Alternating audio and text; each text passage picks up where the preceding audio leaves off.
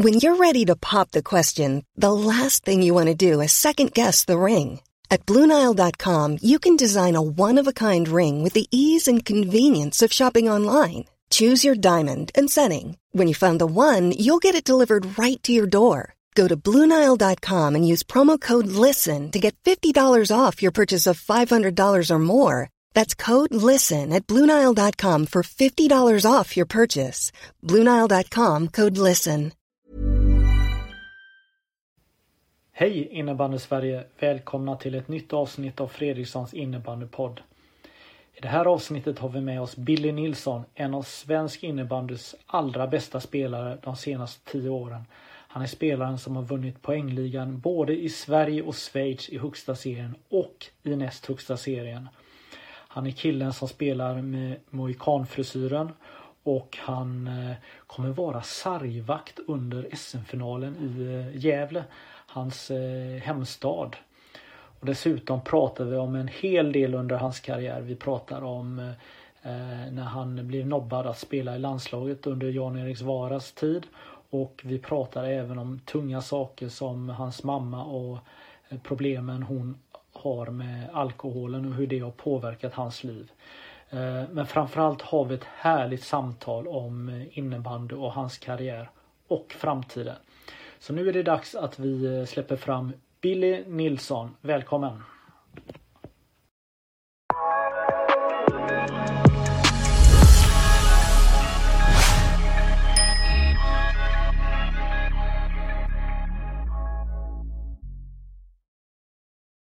Billy Nilsson, välkommen till det här avsnittet av Fredrikssons innebandypodd.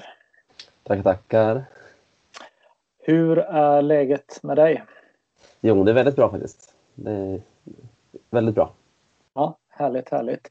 Jag tänker att vi ska mjuka upp här lite och jag tänker överraska dig direkt med fem frågor här så kommer vi igång här och du svarar bara så gott du kan på de här frågorna. Yes. Det här är helt oförberett så att eh, vi kör direkt här.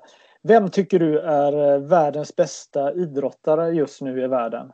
Oavsett idrott. Uh, oj. Uh, ja, Cristiano Ronaldo. Ja, varför då?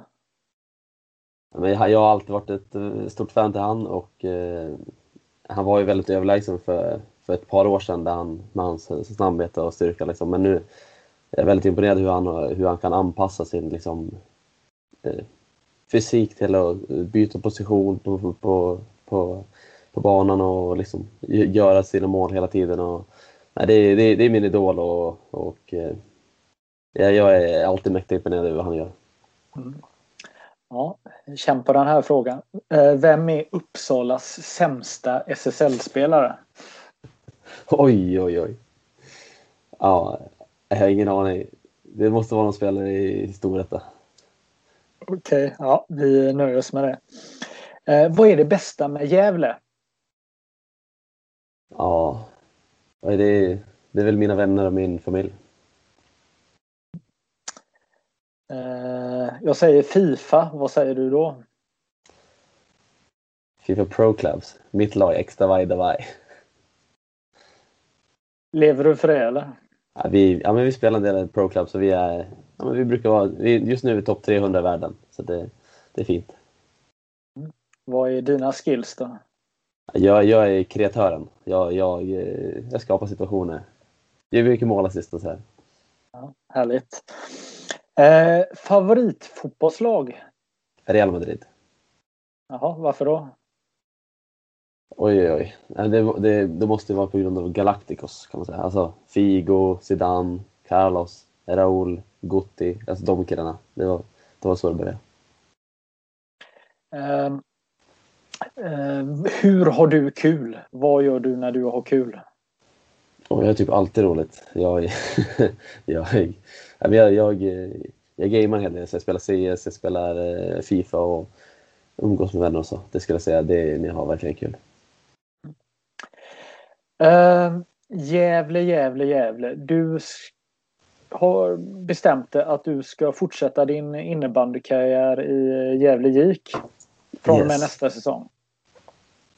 Tvåårskontrakt. Japp. Ja. Det, varför gör du denna flytt? Nej, men jag har egentligen alltid alltså, velat flytta hem. Det har varit även perioder under min, alltså under tiden jag spelat alltså SSL i Sirius och som jag har varit nära på. Alltså, jag har sagt till Sirius att jag vill flytta hem nu, eh, men det har inte gått att lösa. Eh, jag har varit under kontrakt och eh, Gävle, Gävle har inte liksom tagit sig upp till SSL. De, de gjorde ju det en gång där och då ville jag hem men då, det gick inte att lösa. Eh, sen har jag väl alltid velat spela till Gävle men problemet har varit att de inte spelar i Superligan och eh, jag vill spela på den högsta nivån. Eh, så att, men nu, nu känner jag att nu är det dags att eh, liksom försöka göra ett, ett riktigt försök mina, mina sista år. Om det nu är fem år, tio år, jag vet. Men, men att jag ska liksom göra det jag kan för att få upp Gävle eh, på, på SSL-nivå och eh, göra det jag kan. Eh, ja. Och det kändes bara som att det var dags nu eftersom att jag spelat i Sirius och så som Sirius sitter i en sits nu där de inte är ett slutspelslag, inte har ett liksom, slagkraftigt lag på det sättet, då kände jag att då är det, då är det mer värt att flytta hem och och göra satsningen med, med, med min klubb. Liksom. Mm. Och eh, nu eh, hade man en räddningsplanka denna säsongen att man fick behålla sin status i Allsvenskan. Yes. Ja, det, är, det är skönt att, att de får, får spela liksom Allsvenskan nästa år trots eh, hur säsongen var. Men jag hoppas att nästa år tror jag inte det behövs en räddningsplanka. Nej, hur kommer det gå då? Nej, men vi, vi, alltså målet kommer väl vara, alltså det är så tajt i Allsvenskan. Eh, jag har ju följt Allsvenskan i många år på grund av Gävle. Men det är så tajt mellan kval och att åka ner. Så att, eh, jag tror att nästa år kan man, kan man få 10-15 poäng till i matcherna, då, då är man i kval istället. Så att eh, målsättningen kommer väl vara kval, hoppas jag. Mm. Egentligen är ju då både division 1 och allsvenskan är ju som du säger då riktigt tuffa serier att spela i för mm. ett lag just på det här du beskriver. Ja, absolut, att, det är tajt.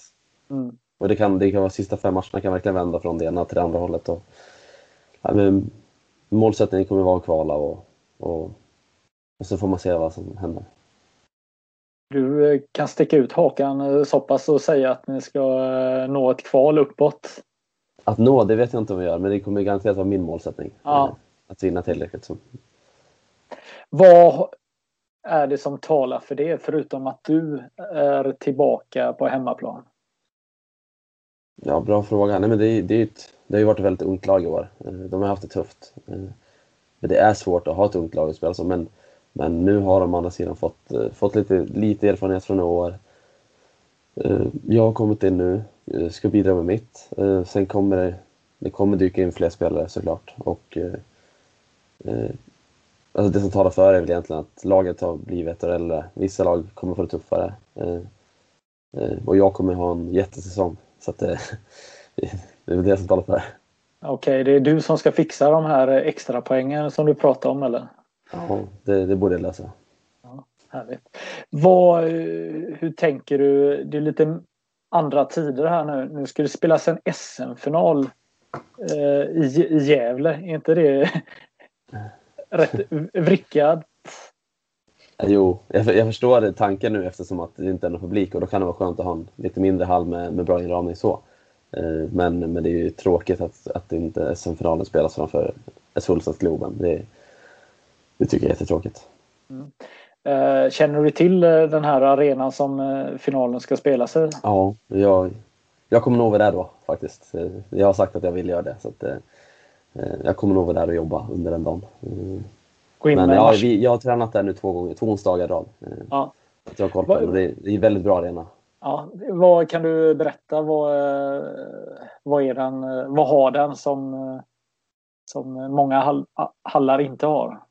Ja, men den är ju, det är en ny modern arena. Eh, jag vet inte exakt om det är för 2000 åskådare ungefär. Eh, så den är ju lite som de andra nya arenorna, men den är ju helt mörk. Alltså alla stolar och allt runt om är svart, vilket jag tycker är riktigt nice. Eh, lite snyggare arena än de andra, eh, men den är ju, det är ju det är perfekt innebandygolv och perfekt eh, liksom, eh, på planen och ytorna runt om den är ju det är helt anpassat för innebandy på elitnivå. Så det är, det är en väldigt fin arena. Mm. Vad, vilken roll kan vi se dig då på SM-finaler? Ska du gå in med matchbollen eller kommer du vara sargvakt eller speaker eller vad? Ja, sargvakt hoppas jag kunna bli. ja, härligt. Helt neutral. Ja. Vad, ska vi gå tillbaka och um, ta allt från första början? Uh, uh, nu uh, försöker jag komma ihåg här när jag hörde Billy Nilsson junior första gången så tror jag jag frågade dig här för hundra år sedan. Hur kommer det sig? Men du kan väl berätta varför du heter Billy Nilsson? Ja, eh, min eh, eh pappa heter också Billy Nilsson. Eh, och då skulle jag såklart inte heta Billy Nilsson men, men då när, när jag föddes då hade mamma bestämt, eller då såg hon mig och då tyckte hon att jag var så lik pappa och, och han ska heta Billy och så körde hon över pappa bara och så blev det så. Eh, och då med åren så har det blivit att jag blev junior för att eh, underlätta saker och ting och, eh, och så liksom. Att, eh, och så kallas jag, jag kallas junior bland liksom, eh, familj och eh, när jag kom upp i herrarnas A-lag dessutom då sa jag ju liksom, de äldre bara, det var junior liksom. Så att det var, det var ganska lätt på grund av att pappa är lika. Ja. Vad, har du den eh, tillägget JR på, eh, i, i, ditt namn? Eller, eller, Nej, utan det, det är på, på tröjan och sociala medier bara. Ja, okay. det, det, är inte, det är inte på ID-kort och så. Mm. Men det är ju ganska mm, ovant att man har exakt eh, sitt pappas namn. Man kanske har eh, det, det som är andra namn, eh, förnamnet här, men ja. du, du har det Ja, I Sverige är det ju ovanligt. Sen, ja. sen, jag följer ju amerikansk eh, fotboll och jag har följt liksom, basket så lite tidigare. Men, men då är det ju lite vanligare att man är liksom junior och the third och allt det där. Men i, i Sverige är det ju som du säger ovanligt. Men, men ja. Eh, jag är glad för det. Jag tycker om ja. det. Ja. Har du någon eh, situation som du kan berätta om där det har varit lite frågetecken eller funderingar? Nej, men... jag, tänk, jag tänker någon myndighet eller någonting. Nej, men när jag var yngre då var det ofta att eh, alltså mina eh, hockeytränare, fotbollstränare, innebandytränare ringer och frågar efter mig och så svarar min lillasyster och då, då var det alltid bara vilken bild du frågar efter. För hon vet ju inte vilken, när de säger bara jag vill på Billy och så både jag och pappa heter Billy så det var ju mycket sådana situationer där jag det, det var det lilla eller det stora som min syster alltid sa. Ja. Och då, det var inte alltid de visste om de skulle svara på det men, ja. men det var ju då. Ja, ja, men det är lite charmigt men hur eh, när ni snackar om det här, vad, trivs ni med att ni har samma namn? Ja, jag, vi har väl egentligen inte pratat om det så. Jag tror, jag tror att vi båda tycker att det funkar bra. Mm. Faktiskt. Ja. ja, men du, du har ju ett... Eh, oj, vad vi pratar om ditt namn här. Men eh, det är ju ovanligt. Det är inte många som heter Billy. Nej, nej. Jag, jag kollade upp det för några veckor sedan. Men det är väl om det är 3000 någonting i Sverige. Så det, det är inte alls vanligt. Så. Nej. Nej men tydligen eh, Per Gessle hade ju en eh, kompis på 70-talet som hette Billy. ja. Ja, han, ja, eh, men det, ja, det gick lite jobbigt för han där. Ja. Han sjöng om det. Ja. Vad, om, vi, om vi tar eh, karriären från, från början då. När, eh, när började du med innebandy och varför? Jag började med innebandy när jag var 12. Eh, varför jag spelade hockey? Jag började spela hockey när jag var åtta, vilket också är sent. Eh, jag är inte från en idrottarfamilj. Eh, det är ingen i min släkt som idrottar egentligen så, utan jag... Det bara blev så att jag, jag spelade alltid landhockey på gatan. Och I skolan spelade jag innebandy och jag vann liksom alla alltså skol, interna skolmästerskap på skolan trots att jag var, gick i tvåan, trean, fyran, femman. Det spelar ingen roll. Liksom, jag, jag hade liksom lätt för innebandy och det så någonstans när, när jag var 12 då, då eh, spelade mina kompisar i Gävle eh, GK och det var ett par killar som slutade och då var de, då var de bästa killarna i laget så då var det att de bara “Bille kan inte du börja spela med oss? Vi, vi, vi har liksom ingen riktigt bra spelare i laget, kan inte du börja komma och testa?” Så jag bara “Men jag kan testa”. Så då fick jag sluta med pingis som jag precis hade börjat med. Och så gjorde jag några innebandyträningar eh, och eh, vart helt eh, förälskad i det. Och, eh, Nej, det var så kul. Och, och, eh, jag började när jag var 12, men jag har egentligen i princip spelat varje dag sedan jag var liksom fem på gatan. Så det var, det var ju liksom inget nytt. Så. Nej. Vad, eh, vad var det du kände att, att du behärskade då när du spelar innebandy? Då? Ja, det är lätt för tekniken generellt. Eh, jag, jag har ju växt upp med att spela med plastad boll eh, och, och spela hockey och så. Lite tyngre. Men, men just det här att hantera bollen i, samtidigt som jag springer i full fart och sånt hade jag mycket lättare för än andra ungdomar. Och, och skjuta och sikta och allt det där. Jag behärskar bollen i hög fart. Mm. Och tekniken har alltid varit ett signum. Liksom. Ja. Um, och sen så rullar det på uh, innebandyn. Du uh, hamnar du i distriktslag och uh, ja. Som alla andra. Och, ja, det... precis. Jag var, jag var 14-15 när jag hamnade i äldre. Och sen har det liksom, från det har det blivit att jag liksom Alltså då förstår man ju att man är ganska duktig när man hamnar med äldre. Eh, och så. Och då, då var det där, då, när man ska välja gymnasiet. Jag sökte till RIG. Eh, fick inte det för farsan först för han ville att jag skulle satsa på hockey. Eh, så det vart en grej liksom. Eh, men, sen, men då, det var då jag började satsa på innebandy egentligen, när, när det var dags för gymnasium. För jag insåg att jag ville gå innebandy gymnasium. Pappa ville att du skulle spela på, eller spela ishockey istället för innebandy. Ja, Jo men jag, sökt, jag sa till honom att jag ville söka riksinnebandy-gymnasiet eh, innebandy. Det var en ganska stor grej förr. Jag vet inte exakt hur det fungerar nu och hur, hur det står, men det var en väldigt stor grej. Eh.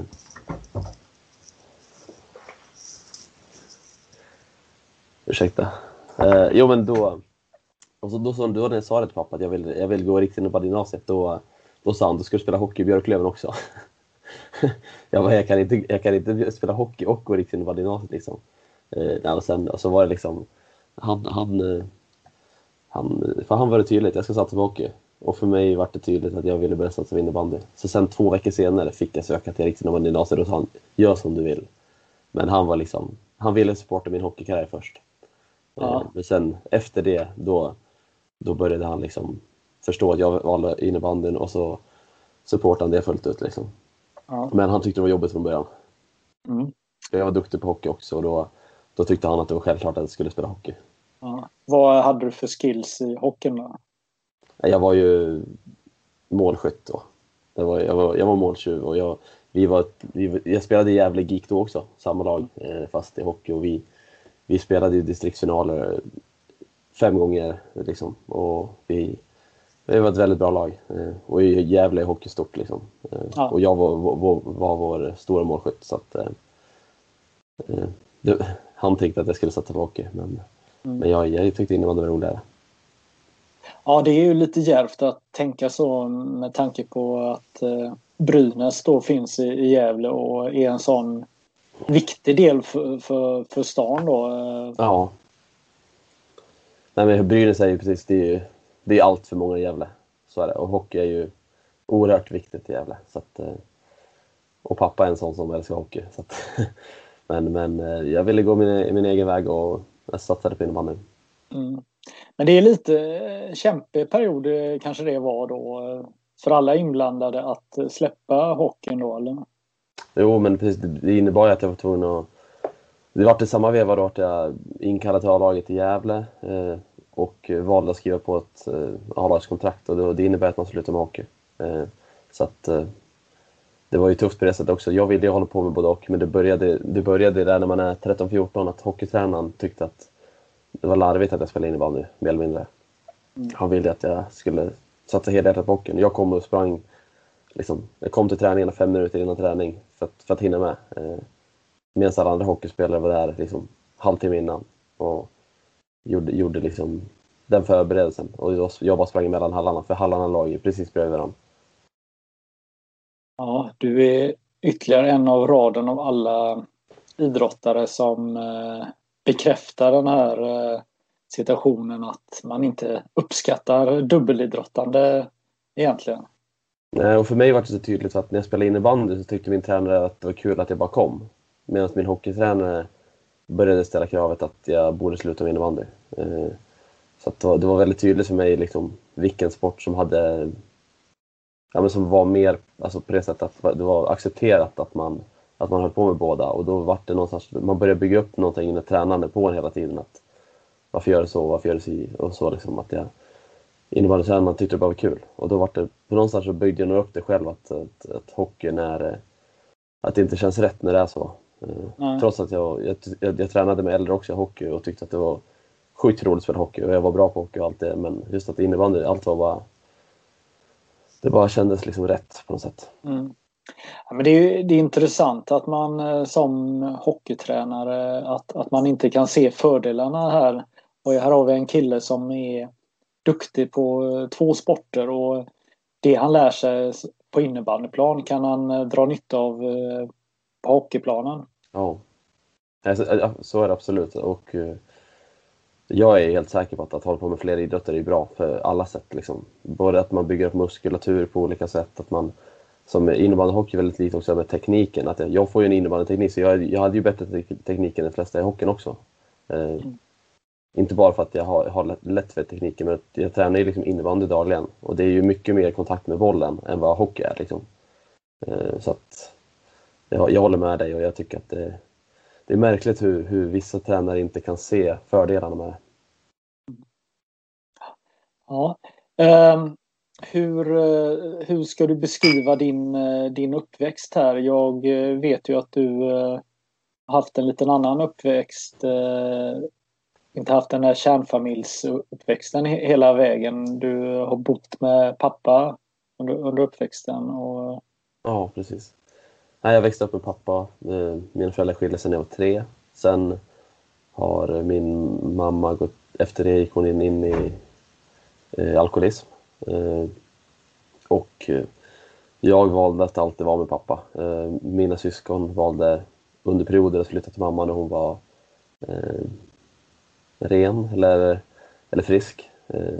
Men jag valde alltid att vara med pappa för att han han, han supportade mitt idrottsintresse och jag kände mig liksom trygg där.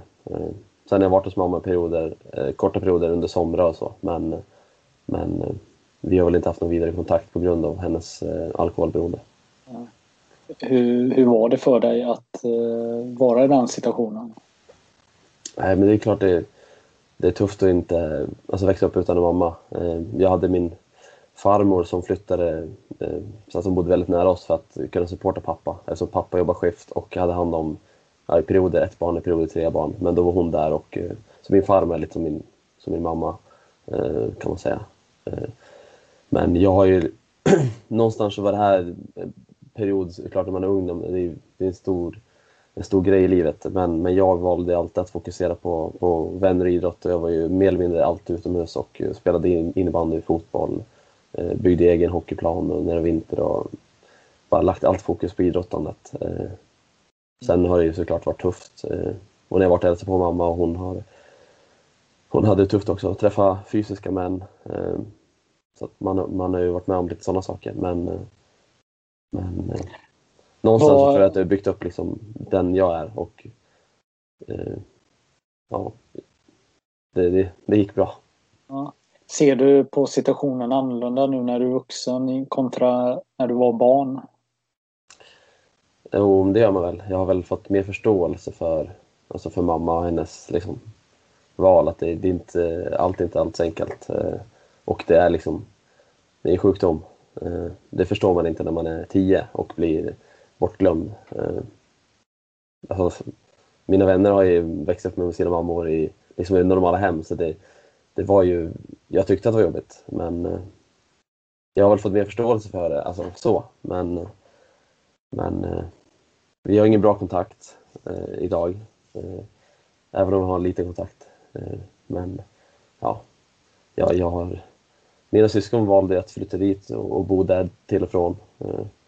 Men jag gjorde inte det. Eh, och det är jag glad för. Alltså, för jag hade jävligt bra farsan.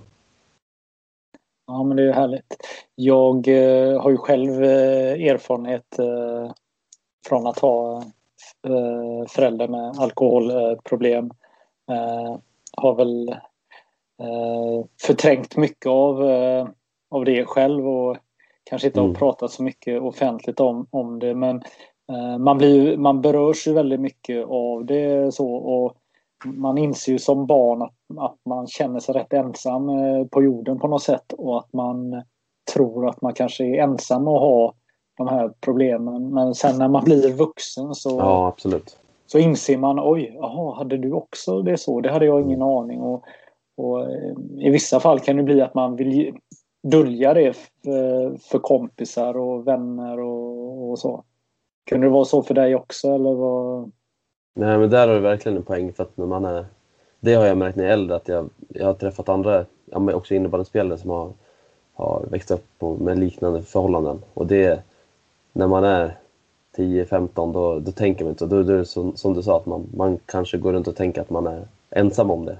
För att man vet inte. För när jag kommer till skolan då, det är ingen sak man pratar om. Alltså, det, är- För det är ju någonstans jobbigt och pinsamt eller tungt eller så här, man vill inte ja, man vill inte tynga andra med det. Och sen, jag, jag är väldigt bra för, på att förtränga det när jag var yngre. Så jag, jag, jag tror nästan att jag gick runt och inte ens tänkte på det. Alltså i många lägen. För att det, även om jag kunde vara som mamma och så var det väldigt illa liksom. Eh, men nu när man är äldre så har man förstått att det är ju, det är nästan normalt. Alltså det, det har ju... det är så det är. Ja. Nej, men jag eh, minns när jag pratade med en annan eh, lagkompis för jättemånga år sedan och han berättade om, om sin mamma som hade eh, alkoholproblem och var alkoholist. Och han beskrev det som att, att jo men ehm, många som jag har hört talas om de har sina papper som har alkoholproblem men jag hade min mamma och det har jag förstått nu som vuxen att att det var mer, och även som barn känner man av det, att det var mer skamfyllt att, att mam, en mamma kunde hamna där. Mm. Är det någonting du har tänkt på? Nej, det gjorde jag aldrig riktigt så. Alltså, det, jag vet att i min, i mam, i min eh, mammas släkt så är det, det går i släkten. Eh, så det, och det gäller både män och kvinnor, så jag har aldrig tänkt på det riktigt så. Men för mig var det att jag växte upp med min pappa. Och det är ju, jag har ju fler vänner som växte upp med sin mamma. Det är vanligare att, att om, det, om det skär sig mellan föräldrarna, att mamman blir den som tar hand om barnet. Så att det, det var väl mer det att jag växte upp med min pappa och, och ibland... Eh, ja, ja, men det, jag vet inte vad man ska säga men, men eh, alltså min pappa var väldigt bra och sen hade jag farmor. Och, så det, det gick bra men nej, jag, jag, jag hade nog ingen sån sak att jag tänkte att det var mer skamset att det, än mamma. Det är snarare så att jag tror att hon tycker att det var mer skamset. Mm. Vad, hur har du resonerat kring eh, alkohol och sådana bitar? Eh, för någonstans så har du ju generna i dig på något sätt. Ja, nej men jag har väl ett ganska sunt förhållande till alkohol. Jag, jag festar inte så ofta. Eh, men sen när jag väl gör det så tycker jag att det är väldigt kul och, och kan såklart dricka för mycket och så. Men, Ja. så, så, som, som en vanlig ungdom eller vanlig liksom, person kan göra. Men, men jag har verkligen inget... Eh, ingen liksom, jag har aldrig ett sug för det. Utan det är snarare själva, själva liksom tillställningen. Att få, få umgås med vännerna och så. Eh, som man kan, man kan längta till. Så. Men just, just alkohol är ingenting som, som drar mig så. Och någonstans i bakhuvudet så vet du att, att det är farligt också om man... Ja. Absolut. Man har ju Ja. vänner som, som, eh, som, som festar hårt och så. så jag, jag, jag vet ju själv att det, det kanske inte skulle passa en. Liksom, eh, både som du säger genetiskt. så Jag, jag har ju familjemedlemmar på även pappas sida som är liksom, nykterister på grund av att det finns även i, på den sidan släkten. Eh, det är ju det är ju mycket vanligare än vad man tror. Alkoholism. Ja, exakt. Eh, ja, men tack för att du ville dela med dig av, av detta. Eh, det är ju någonting som berör många människor i, i Sverige, absolut. Om vi ska gå tillbaka till din innebandykarriär då och vi, vi, vi var ju här nu och eh, pratade gymnasium, eh, distriktslag och vad hände sen eh, i din eh, sportsliga karriär, eller spelarkarriär? Ja, precis. Jag sökte ju till RIG, eh, åkte upp dit, tränade, kom in, men sen hade jag för dåliga betyg. Eh, och då blev det då att jag blev kvar i Gävle. Eh, och Ja då, men eh, berätta vad, vad då? Hade du för dåligt i engelska? Nej, men jag hade, väl, jag hade typ godkänt i allt. Eh, men när jag kom upp till Riksinnebandy-gymnasiet i Umeå då, då visade det sig att jag behövde mer eller mindre eh, VG i allt, så, som, som man räknade då. Jag vet inte exakt, nu är det ju andra former med Ja. Men då var det G, VG, MVG. Och då mer eller mindre så var eh, VG liksom ett krav på för, för att komma in på de kurserna. Eh, jag hade bara godkänt. Det vart att de ringde mig och berättade att Billy du kommit in. Eh, alltså på, på, idrott, eh, på idrottsmässiga eh, liksom, kvaliteter och så. Det var, men jag hade redan då förstått att det kommer inte funka med, med, med betygen. Så då, då sa jag bara tack men jag är tvungen att tacka nej. Liksom. Och, och då vart det att jag... Man gick in i en liten depression såklart med, med själva liksom... För att man hade ju byggt upp någonting. Men jag, det var först när man åkte upp dit andra gången som jag förstod att det var ett, väldigt, ett krav med, med, med betygen. Mm. Och jag trodde att liksom, det räckte med att jag var grym på innebandy. Alltså så. Eh, men det gick ganska fort till att, till att Gävles A-lag ville ha mig. Eh, och jag var 16 då och eh, så det, det gick ganska lätt så. Liksom. Jag gick upp till A-laget då, direkt mm. i den vevan. Så att, Eh, och började spela ganska kontinuerligt på en gång. Och vi, vi vann ju division 1 som var då eh, var allsvenskan nu. Mm. Så vi var liksom, ja, var egentligen i princip det bästa laget under SSL. Så det var en bra miljö för mig att komma upp till. Eh, och eh, jag hade inte så svårt att anpassa mig heller. Så att det var, för mig så var det nog det bästa som kunde hända. Eh, mm. Istället för att spela på division 2-nivå eller vad det nu var i, i RIG. Ja exakt. Nej, men jag har ju spaltat ner lite här. Eh, då är du alltså, eh, vad är du, 16-17 år då när du spelar första året i division 1? Va? Ja, exakt. Ja. Jag menar, första året så snittar du en poäng per match och det ja. är ju det är rekorderligt när man är så pass ung, det, det måste jag säga. Ja, jag spelade och... 17 matcher och gjorde 22 poäng. Men då ja. var det många av de matcherna satt man ändå bara på bänken hela matchen. Så att, precis, en poäng per match i, i seriespelet och Eh, men du, de matcher ser... spelas var det till och med över det. Liksom. Det är det här som är det, här, det, är det här som är det intressanta när man eh, sitter och är en Google-journalist eh, sådär och man googlar in saker så har man ju inte faktan riktigt. Jag menar du säger här att du sitter på bänken en massa matcher så det betyder ju att när du väl spelar så, ja. så är ja, snittet Jag har 17 matcher bättre. som jag tror som man kan se att jag spelar, alltså var med på. Ja. Sen fem av dem satt jag nog, alltså, då satt jag hela matchen på bänken. Ja. Eh, men, men man är med i truppen. Eh, men vi hade ett väldigt bra lag. Eh, och ja, men jag, hade, jag hade ganska lätt för att anpassa mig direkt så att det var, det var, det var en bra period. Det var... Ja. Men om vi bara fortsätter och gå på lite statistik då. Året efter här så dubblar du här och då snittar du exakt två poäng per, per match då på om du nu spelar ja. 22 matcher. Så, så att det, det, är ju, det är ju fantastiskt. Och sen gör du ytterligare två säsonger i, i Gävle. Mm. Och, och där snittar du i snitt tre poäng per match. Och ja, 2000, våren 2010 så, så du, ja, har du hunnit fylla 21 år och, och har, har gjort ganska mycket poäng i, i, i division 1. Eh, det är ju ganska imponerande tycker jag. Ja. 65 eh, poäng, 60 poäng. Ja, men det, det är ju det är skitbra. Så vad händer då när eh, säsongen 2009-2010 tar, tar slut? Då har du gjort ja. fyra säsonger i... Ja, precis, då har jag gjort fyra säsonger i Gävle. Jag har eh, gjort mitt kontrakt. Eh, jag har varit nere under de här åren och spelat U19 i Bern. Jag har kommit med i landslaget för ett år äldre. Jag har varit och hälsat på Varberg som var svenska mästare. Jag har varit och hälsat på Storvreta som spelade SM-final. Ehm, jag har pratat med ja, alla klubbar i landet i princip. Ehm, för att, som du sa, andra säsongen där jag gjorde 44 poäng som 17-18-åring, då ehm, då började det bli att alla lag började ringa mig. Eh, för då var det dags att det var sista året på gymnasiet. Eh, började åka och hälsa på klubbar. Men det slutade med att jag, jag ville vara kvar i Gävle och eh, visa...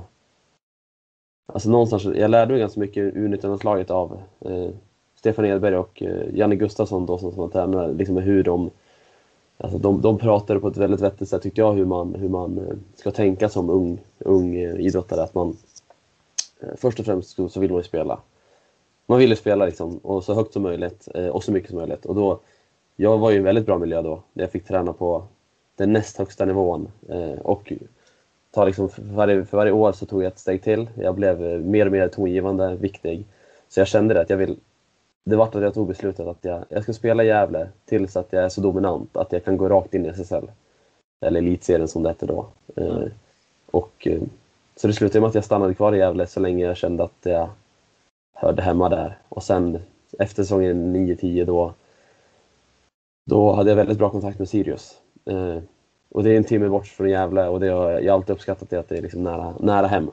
Mm. Eh, så då valde jag Sirius. Eh, och tränarna, jag kommer ihåg att de frågade mig liksom hur, eh, ja, men de ville ha mig och så frågade jag dem vad, vad jag är bra på. För det var liksom en grej som jag lärde mig i 19 att här, man, ska, man ska gå till en klubb där de vet vad de får.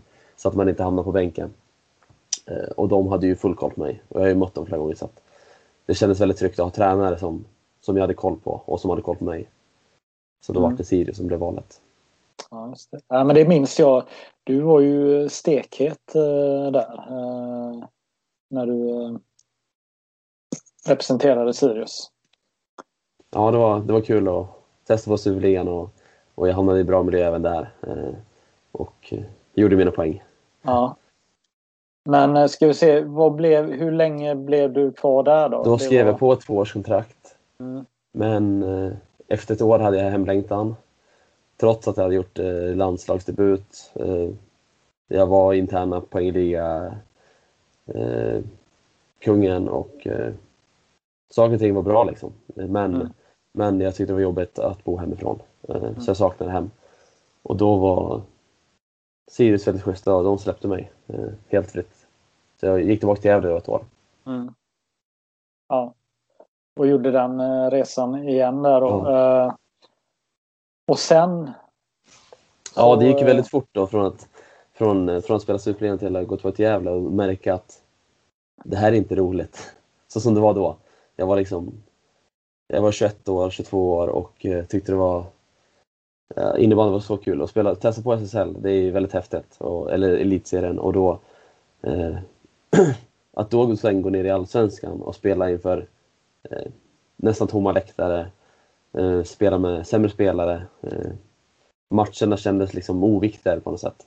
Så det var väldigt tufft det året i Gävle för att jag, jag märkte att det var ett, det, kändes, det känns som det enda felbeslutet jag gjorde egentligen under min karriär. Eh, det var tufft. Jag, märkte, jag tror det tog tre matcher, så sa jag direkt bara till, till nära och kära att eh, ja, jag kommer att spela SSL nästa år. Det här funkar inte.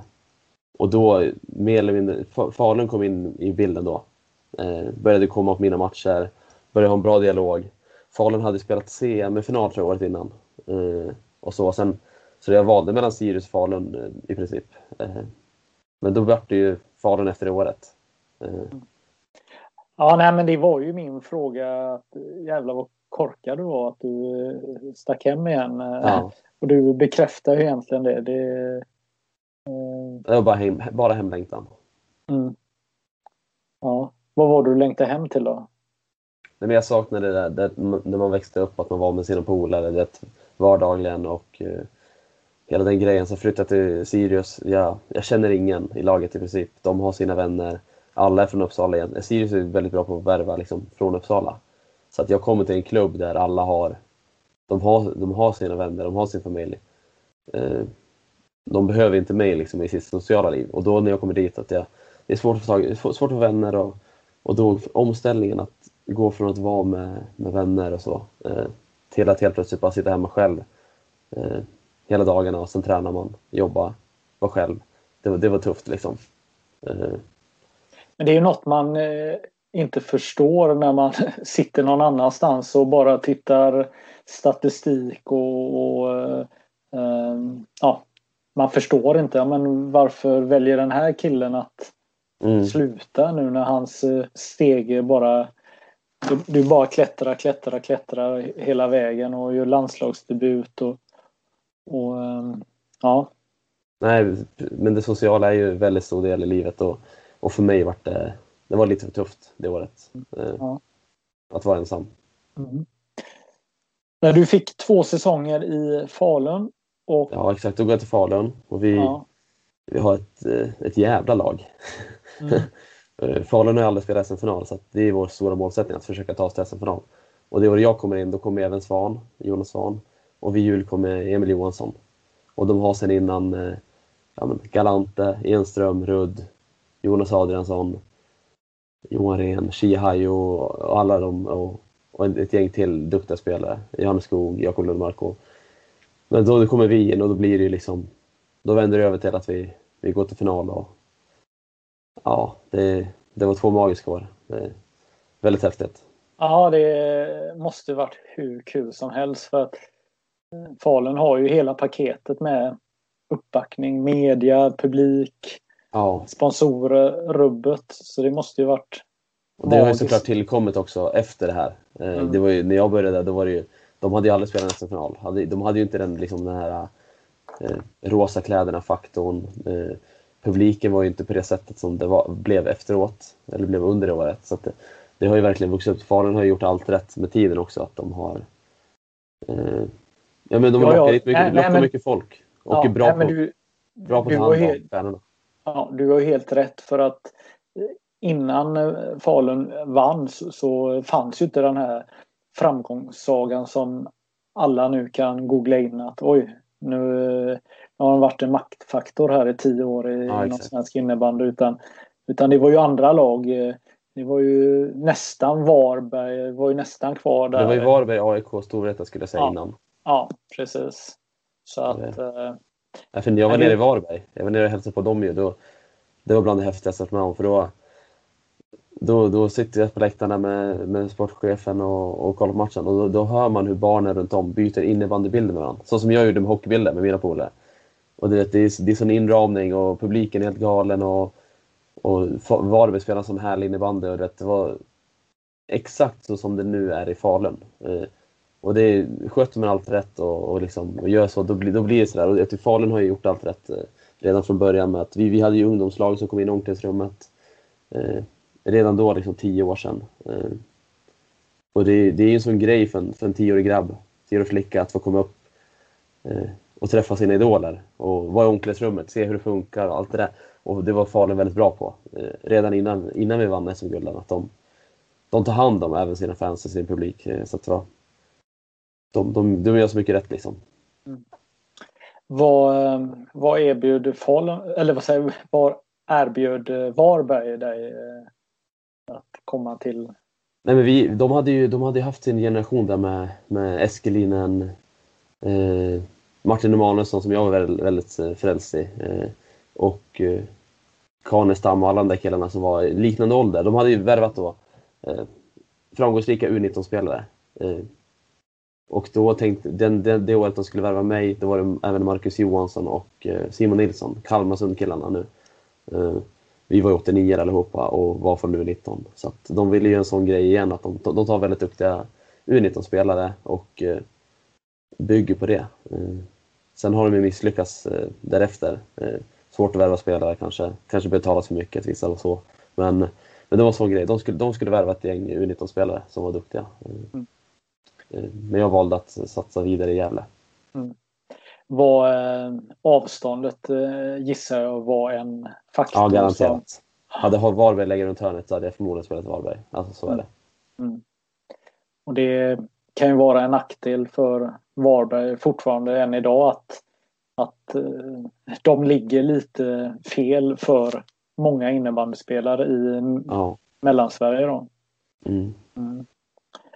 Ja, men sen efter det, vad, vad händer då? Då blir det Sirius igen va? Ja precis, jag gör två säsonger i Falun. Vi vinner två SM-guld.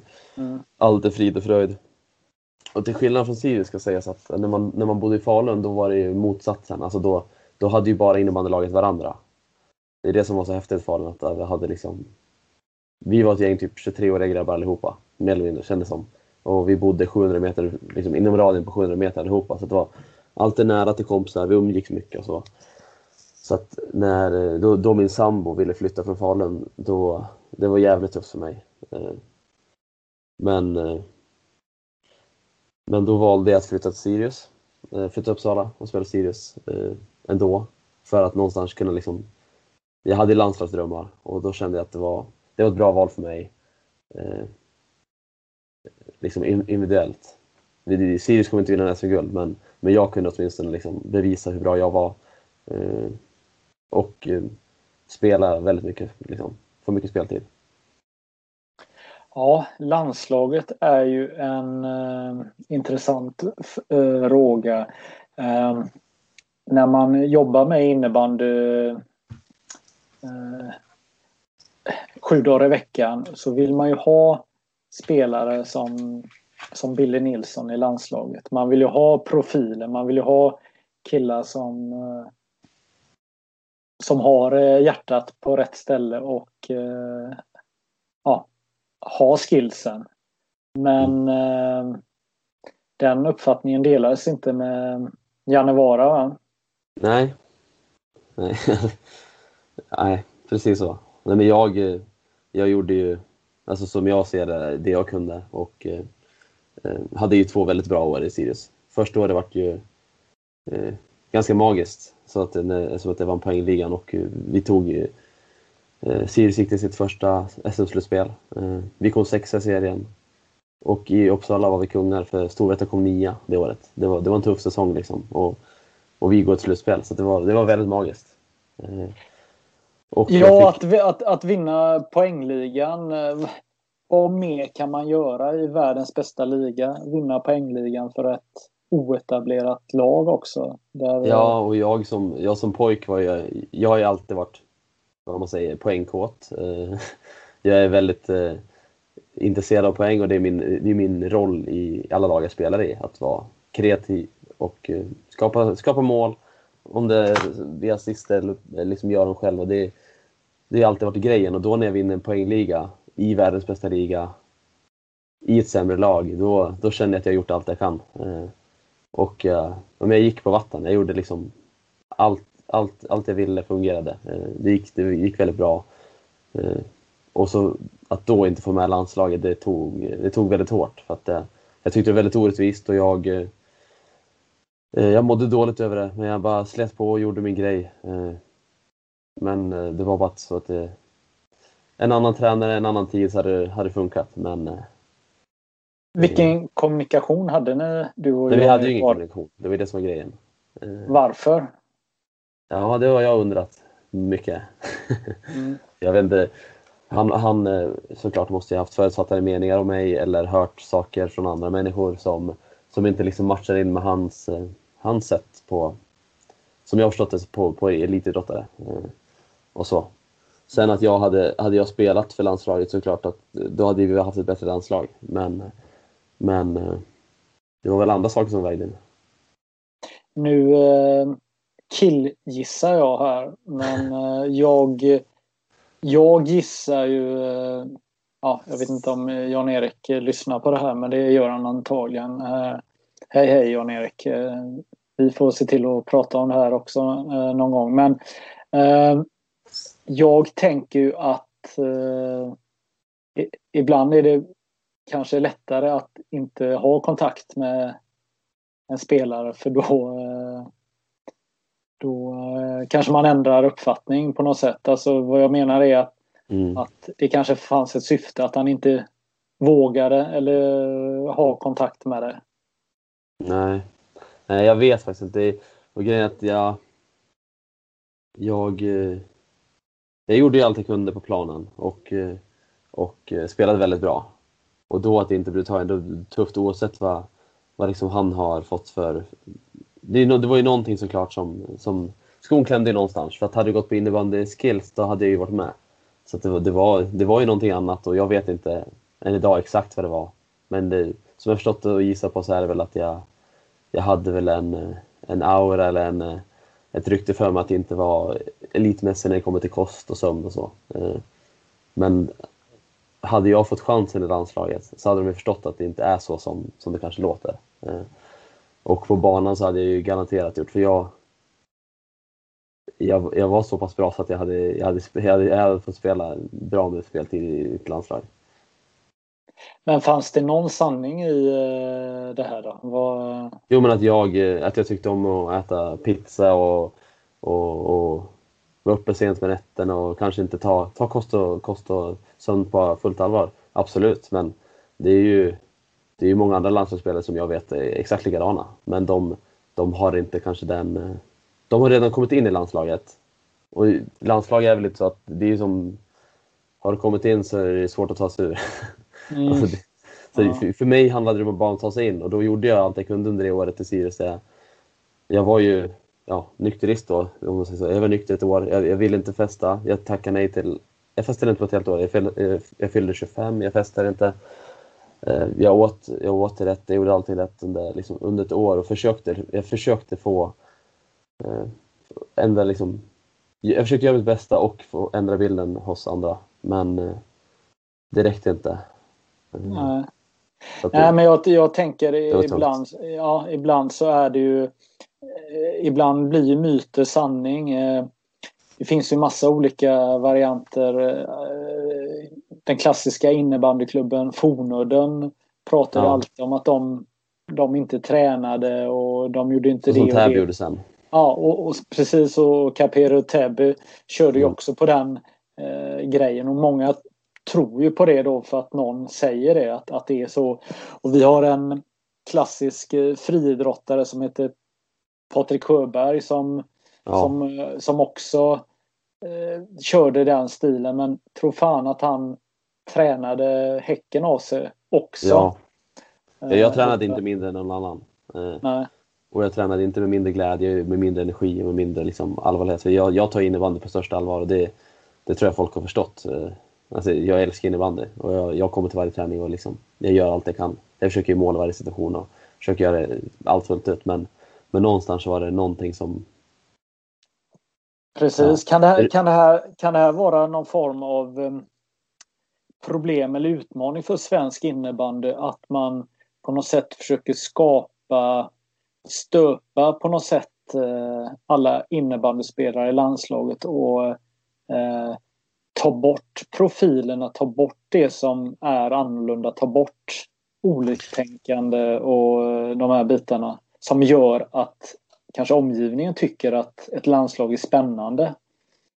Ja men så kan det vara såklart. Eh, alltså när du säger på det sättet att, eh, att vissa spelare, alltså så är det ju i svenska landslaget nu också, vissa spelare lockar ju mer. Eh, alltså publiken.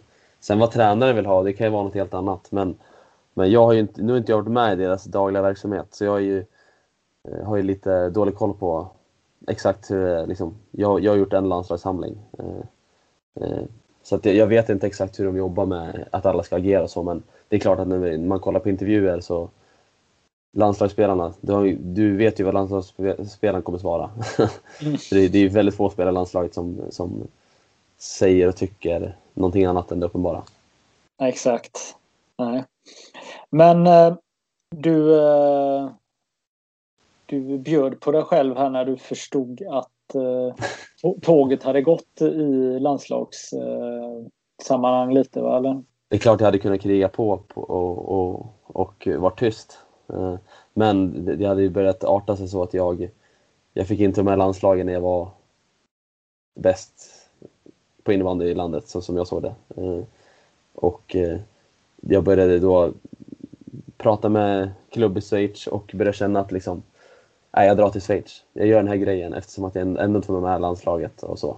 Och då, det var då jag gjorde den här ja, men, tweeten då, som, som ja, skapade lite rabalder. Ja, vad var det stod där då? Nej, men när jag skrev att jag, jag kommer inte spela under landslaget under Jan-Erik Vara. Och det var lite kul för jag har inte spelat på, i landslaget då på flera år.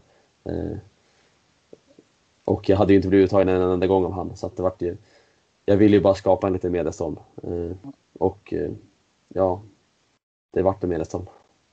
Ja men det tackar vi för. Det är ju kul när det händer någonting i, i den här världen. Det är ju det, är det som får oss att må bra, vi som älskar innebandy, att, att eh, folk vågar prata och ta för sig. Ja men det var ju också så så lätt eftersom att varje gång jag pratade med reportrar eh, från innebandymagget eller från lokala tidningar, det var ju, varje gång fick jag frågan landslaget, landslaget, landslaget, landslaget. Och jag gjorde allt jag kunde och fick inte chansen så vart det liksom det blev så påtagligt och så till slut liksom, jag orkade inte mer så jag bara då, då sa jag det bara liksom. Det, det blir inget landslag under Jan-Erik Vara och då, för, och då vart det ju då vart det ju en grej. Men det var, det var, jag, jag gjorde allt jag kunde under, under ett år liksom. Nej, men jag försöker ju läsa dig här nu någonstans så tänker jag att du, du menade säkert eh, samtidigt som du på något sätt nästan eh, sa också att ja men nu, eh, nu har jag gjort allt. Nu får du fan ringa eller så skiter vi i det här. Kan, kan det varit också någon procent att du på något sätt ville få ett avslut på något sätt att nu får vi reda ut det här eller? eller... Ja, det var väl lite snarare så att jag ville Alltså jag hade bestämt mig då för att flytta till Schweiz. Så jag visste mm. att jag inte skulle alltså jag visste att jag inte skulle få spela under han. Och då var det mer att jag ville bara få folk att snacka om det för en gångs skull. En extra gång liksom. Att det skulle bli en grej. För, att, för, för det har ju varit en grej då hela tiden att alla runt Sirius, all, alla i ligan, det är jättemånga landslagsspelare. Jag känner ju alla i Falun. Och de har ju, de har ju liksom, det har ju varit situationer där Falunspelarna ringer mig och säger så här, vad sjukt att du inte är med i landslaget, men jag är med. Eh, vad sjukt att det här hände, vad sjukt att det är så. Eh, jag förstår inte, varför, varför inte du med i landslaget, vad har du gjort? Vad, vad, har, vad har du gjort Vara? Vad har du gjort han? Och, att jag får sådana liksom, eh, kommentarer under matcherna när, när motspelare kommer till mig och säger saker. Och det, bara, det bara rullar på och sen kommer nästa landslagssamling, nästa landslagssamling och jag är aldrig med.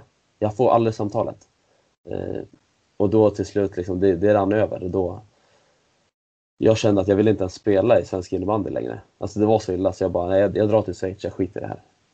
Och det gick till den punkten där jag kände att det är inte ens roligt att spela, det är inte ens roligt att spela i SSL. Liksom. För att jag får, det är inte rättvist. När jag hör dig eh, berätta här så blir man ju eh, man blir både glad och ledsen, ledsen för din skull då, men kan du förklara eh, varför det hade betytt så mycket för dig att få spela för Sverige? För att eh, om man jämför med ishockey med Tre Kronor eller svenska fotbollslandslaget så, så är det ju en, det är en större vinning av att spela i ett sånt landslag både ekonomiskt och eh, ja, marknadsmässigt på alla mm. sätt och vis och berömmelse. Men det är ju egentligen ingen större skillnad att spela i, i innebandylandslaget än att inte vara med. Alltså det är ju inte några... Nej, det är personligt bara. Ja. Kan du utveckla varför du... Ja, nej, men det är ju... Jag kan väl inte tala för alla men det är ju, det är ju liksom det... För mig var det, det min största dröm. Eh, jag har ju liksom, man har vuxit upp med Eh, jag har ju varit en, en hockeysupporter som ung, men jag har alltid velat vara liksom, jag har alltid sett mig själv som poängkung, vinna, vinna poängligor, vinna i det här fallet SM-guld och, och det hade jag gjort då. Och jag hade, vunn, och jag hade vunnit poängligan och jag gjorde allt jag kunde för att vinna poängligan. Och då var liksom det sista målet var att liksom etablera mig i landslaget, vinna VM-guld och bli liksom en, eh, en, en väldigt bra spelare i landslaget. Och liksom spela för Sverige, det är ju det, för, för mig det häftigaste man kan göra. Eh, nu fick jag bara göra det en gång, men det var otroligt. Eh, men för mig, det är ju största drömmen. Liksom. Ta på sig landslagströjan och, och slåss för sitt land på, på liksom den nivån man själv kan. Sen om det är innebandy eller på ett, liksom ett krigsfält, men det är, i det här fallet eh, innebandy då. För mig så är det det största man kan göra. Sen, eh, sen vinner man ju hellre ett eh, SM-guld, för att det är ju någonting man gör med sina bästa kompisar. Men att få representera Sverige, det är ju så häftigt så det är inte klokt. Mm. Nej men eh, alltså jag får ju ändå lyfta på hatten. Du har ju gjort några av de absolut största sakerna som man kan uppleva som eh, innebandyspelare. Eh, du har eh vet du, vunnit SM-guld och du har vunnit poängligan i världens bästa liga. Eh, sen är du en tävlingskille som vill uppnå alla saker så, och någonstans så har du gjort det, du har gjort det du kan som, som spelare. Men så är det ju en bedömningssport då att det är någon som bestämmer vem som ska vara med och vem som inte ska ja, vara med.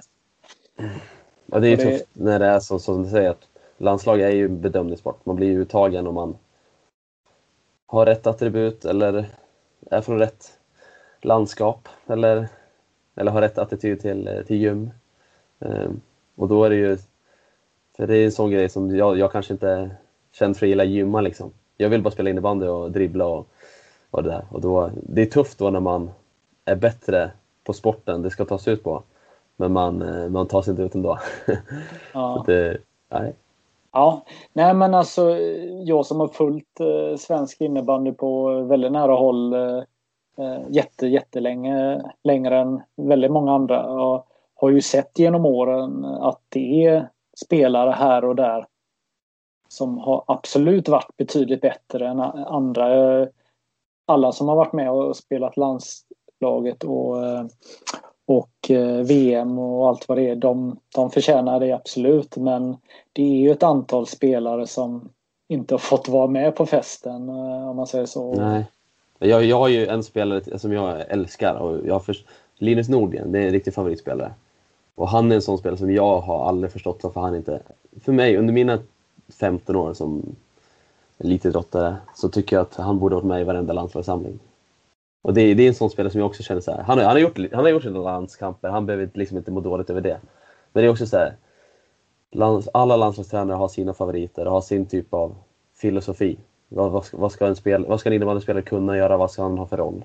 Och nu någonstans så tycker jag att innebandyn i Sverige har blivit att det handlar mer om roller än att vinna. Eh, och vi blir omsprungna av Finland. Eh, för de har mer drivna spelare, så som jag ser det. Och mer skickliga spelare när det kommer till klubb och boll. Och eh, jag tycker egentligen alla förbundskaptener som vi haft de senaste åren har misslyckats. Vi, vi tar inte ut liksom tillräckligt slagkraftigt lag. För att det, vi, vi funderar för mycket på, alltså, tycker jag, på, på, på personliga relationer eller på spelare som ska passa in i deras modell. Istället för att bara ta dem, ta de 20 bästa spelarna vi har och köra över resten. Eh, vad, vad driver dig som eh, målgörare i en match? Vad, när du går in för en match, vilka tävlingsmoment sätter du upp i huvudet? Hur motiverar du dig match efter match att, att uh, nu jäklar? Ja, nej, jag har ju väldigt lätt för det, för jag, jag tycker att innebandy är så, så jävla roligt. jag tycker att det är sjukt roligt att spela. Eh, eh, tävlandet, eh, allting. Jag, jag har väldigt, jag är väldigt mycket känslomänniska, så jag, jag, det krävs lite under matcher för att alltså, tända igång mig om jag inte nu skulle vara liksom igång om vi säger så. Men jag, jag har väldigt lätt att komma igång i matcher, innan matcher. Eh, jag är motiverad av mig själv bara, av sporten, för att jag tycker det är så roligt att tävla. Eh, och sen eh, nu är inte publiken här, men jag har ju med min frisyr och min typ av personlighet alltid folk på, på läktaren som antingen hejar på mig eller skriker åt mig. Eh, och det, det, spelar ingen roll vad de säger, jag, jag går igång på allt. Jag tycker att det tävlandet och liksom interaktionen med, med publiken och, och liksom det här att det fysiska, allting sånt är jag går igång på allt när det kommer till matcher och, och jag, jag älskar fortfarande att åka buss 100 mil och, och spela och, jag, ty jag tycker allting med innebandy är sjukt roligt bara. Så det... Men finns det någon detalj du, du tänker på? Jag, jag eh, älskar också att spela innebandy och jag älskar eh, minst lika mycket att göra mål eh, som dig trots att man är lika gammal som eh, gatan här nu. Och, och när jag, alltså jag, det kan vara olika situationer. Jag kan tycka att det är jäkligt gott att ha gjort två mål redan i första perioden för då har man lite arbetsro och så vet man inte. Det kan bli den här matchen där man gör fem mål, sex mål. Alltså det, det, är en skön känsla men, men oftast mm. så, så brukar det kanske inte fortsätta sådär. Och ibland kan det vara tvärtom den här frustrationen när man går in inför tredje perioden och, och, så är man målskytt och så har man inte gjort något mål och så har några av de andra i laget som man lite tävlar mot för man bygger ju ändå upp lite de har gjort två vararna och vi har inte gjort någonting. Alltså, är du med mig? Alltså, vad, ja, vad, vad, vad, hittar du eh, motivationen i? Eller kan du komma ihåg sådana här situationer som triggar dig? Så, som poängspelare så vill man ju alltid göra 100 poäng. Sen, sen har man ju som du säger, det, det, det, finns matcher där man börjar med två mål och så börjar man tänka, det kanske far iväg. Man, man hoppas det här, det här, det här kan bli matchen när man gör 5-6 mål. Eh, men, men just, jag vet inte om man ska... Jag, jag triggas ju alltid av att göra, göra poäng, så jag kan bli väldigt frustrerad när det, när det går tufft. När det är, alltså men, jag bygger upp en frustration, jag blir frustrerad, men jag, jag, jag har en känsla av att det inte påverkar mig så mycket mer än att det, det kan bli liksom utåtriktat, att jag kanske pratar på ett sätt att jag blir... Men på planen så har jag liksom... Det påverkar inte mig på planen. Jag tror inte det finns så mycket saker som påverkar mig. När jag går ut så bara kör jag min grej.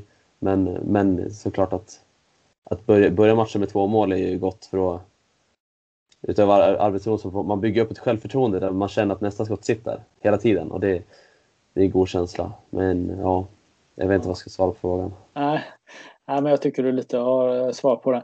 Men jag tänker också här nu, du, eh, du, du har ju en underbar frisyr och eh, när man väljer att göra det ta det i valet att, att eh, sticka ut som man gör i landet lagom som Sverige är. Så, så, så är det ju först och främst så gör du det för att du vill att folk ska titta på dig. Eh, och det är inget fel i det. Men du, du skapar ju en, en situation att eh, även om att du är jävligt duktig på innebandy så skapar du en eh, situation där du hamnar i fokus. Ja.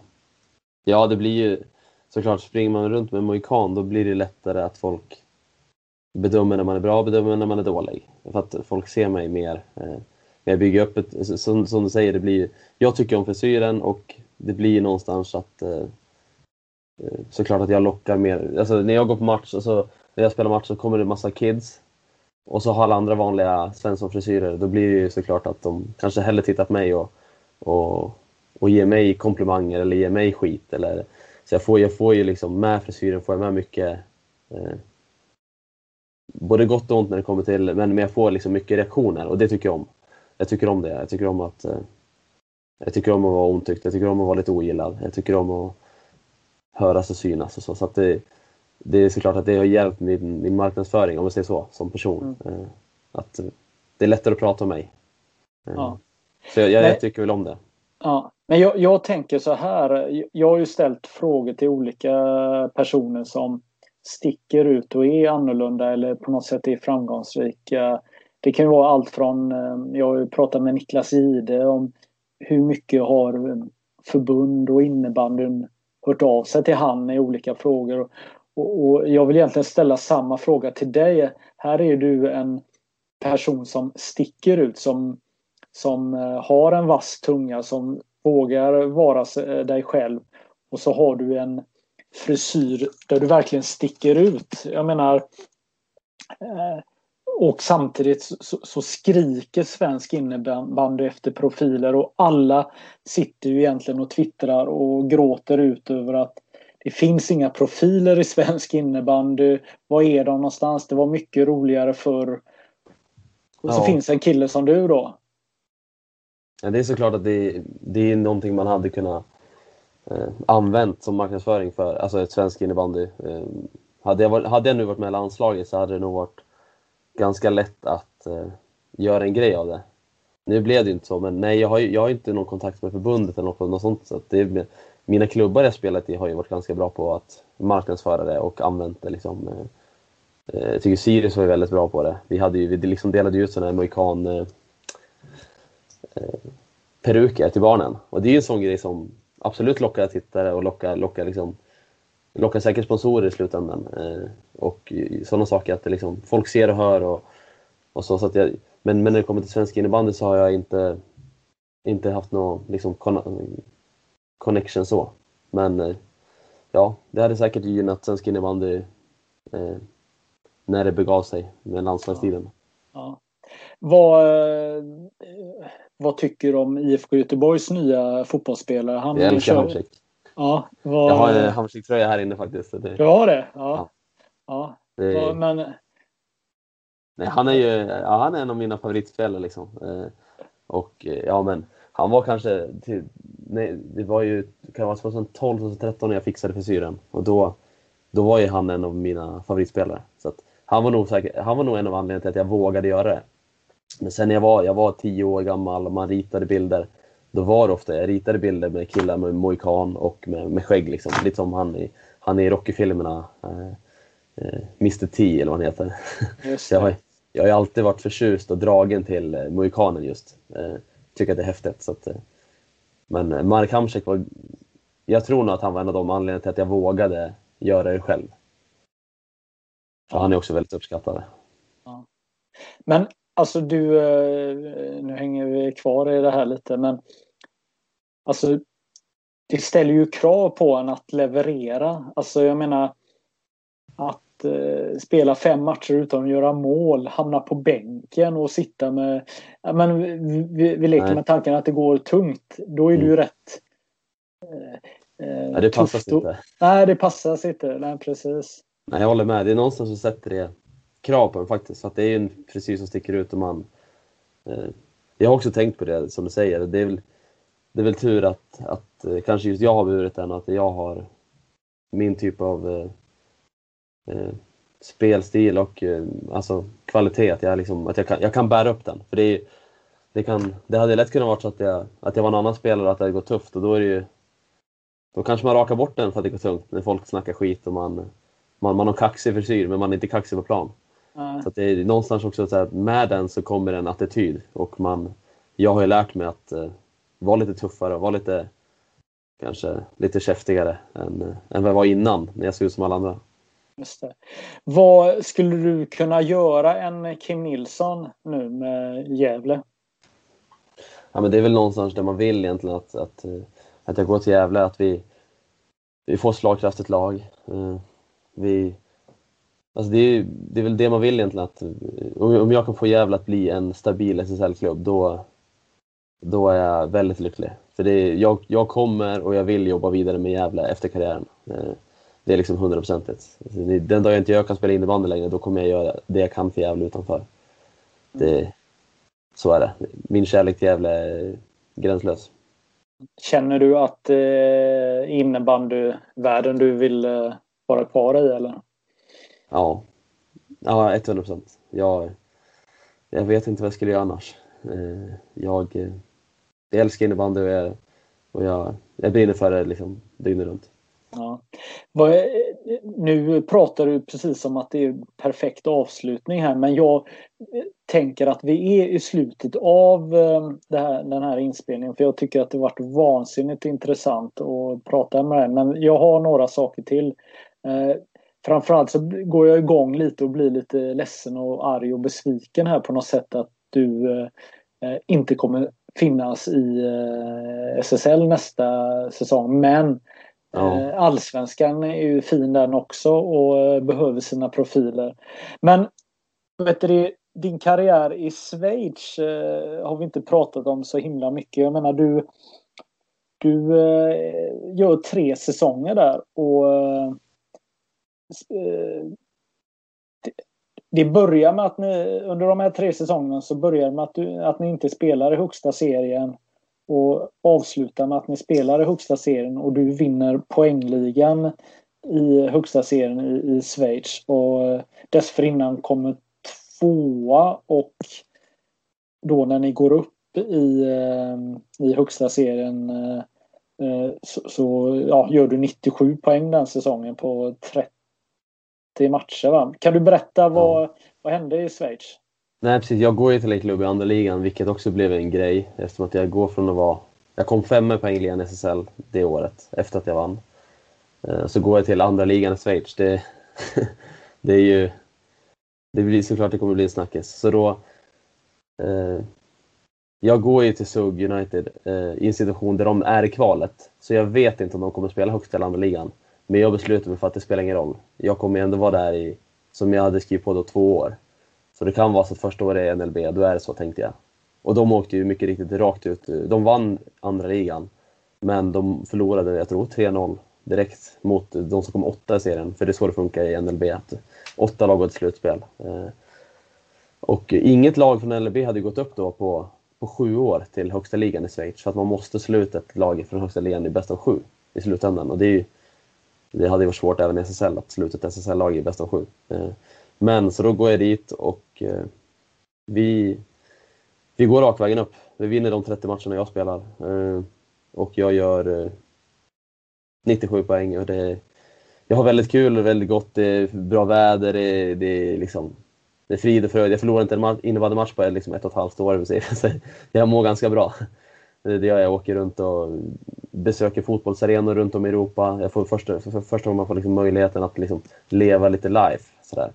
För, för i Sverige om man har en ledig helg då kan man inte åka, åka till liksom Madrid och kolla på Real en helg. Utan då är det träningshelg. Då tränar man hårdare. Så det var ganska skönt i Schweiz att komma dit och göra, ja, leva lite proffsliv och, eh, och även fullfölja andra saker som jag har haft som mål i livet. Liksom. Att jag älskar fotboll och och kunde åka runt i Europa. Jag har sett många arenor liksom och, och, och gör den grejen. Men då går vi upp då till NLA. Och det var ju mitt mål då såklart. Eh, med hela äventyret att jag liksom skulle... Det var ju därför jag varit värvad. Att ta, ta, ta ett lag upp där. Och då, så det var häftigt. Då gick vi till NLA. Eh. Många spelare har spelat i Sug United hela sitt liv och aldrig fått spela högsta ligan. Så det var kul att liksom, alltså, få vara med i ett sånt omklädningsrum och och se dem i ögonen och allt det där. Och, eh, ja, och sen de andra två åren då, då blir mitt mål då att vi ska ta så långt som möjligt och att jag ska vinna poängligan. Jag har bestämt att jag ska vinna poängligan i Schweiz för det skulle vara häftigt att vinna både i Sverige och Schweiz. Jag vet inte om, någon hade gjort det innan, det skulle varit Kim Nilsson då eller, eller JD. Och det är ganska bra namn att vara på listan med.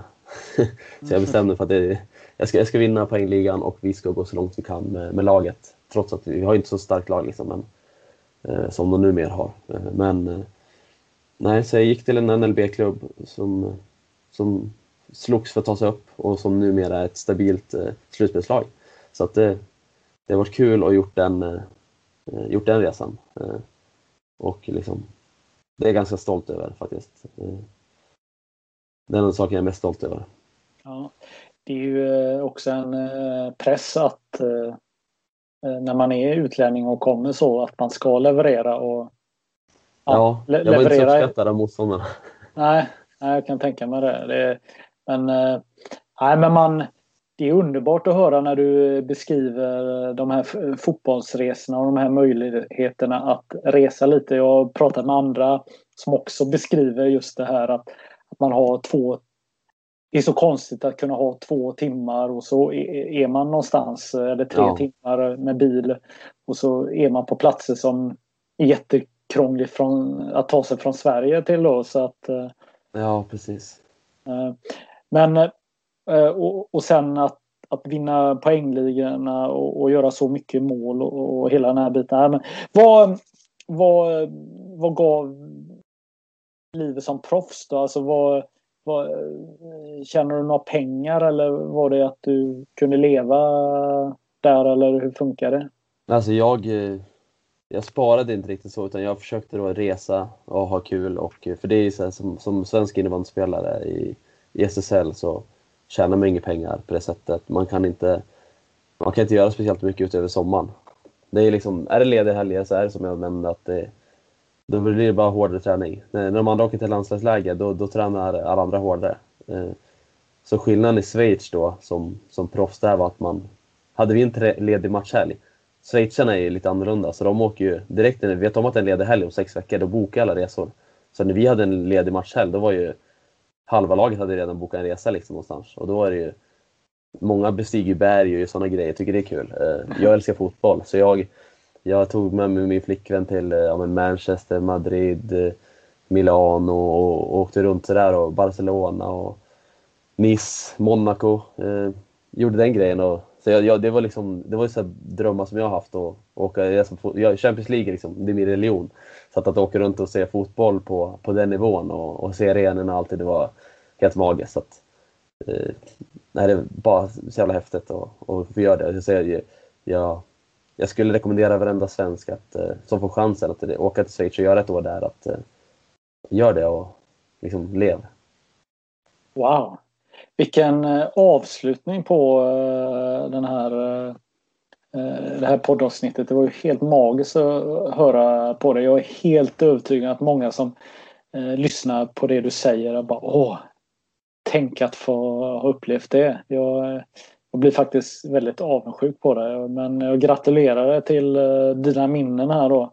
Mm. Uh, nej, men så jag, jag säger så att jag tack så mycket för att du ville vara med i podden. Tack för att jag fick vara med.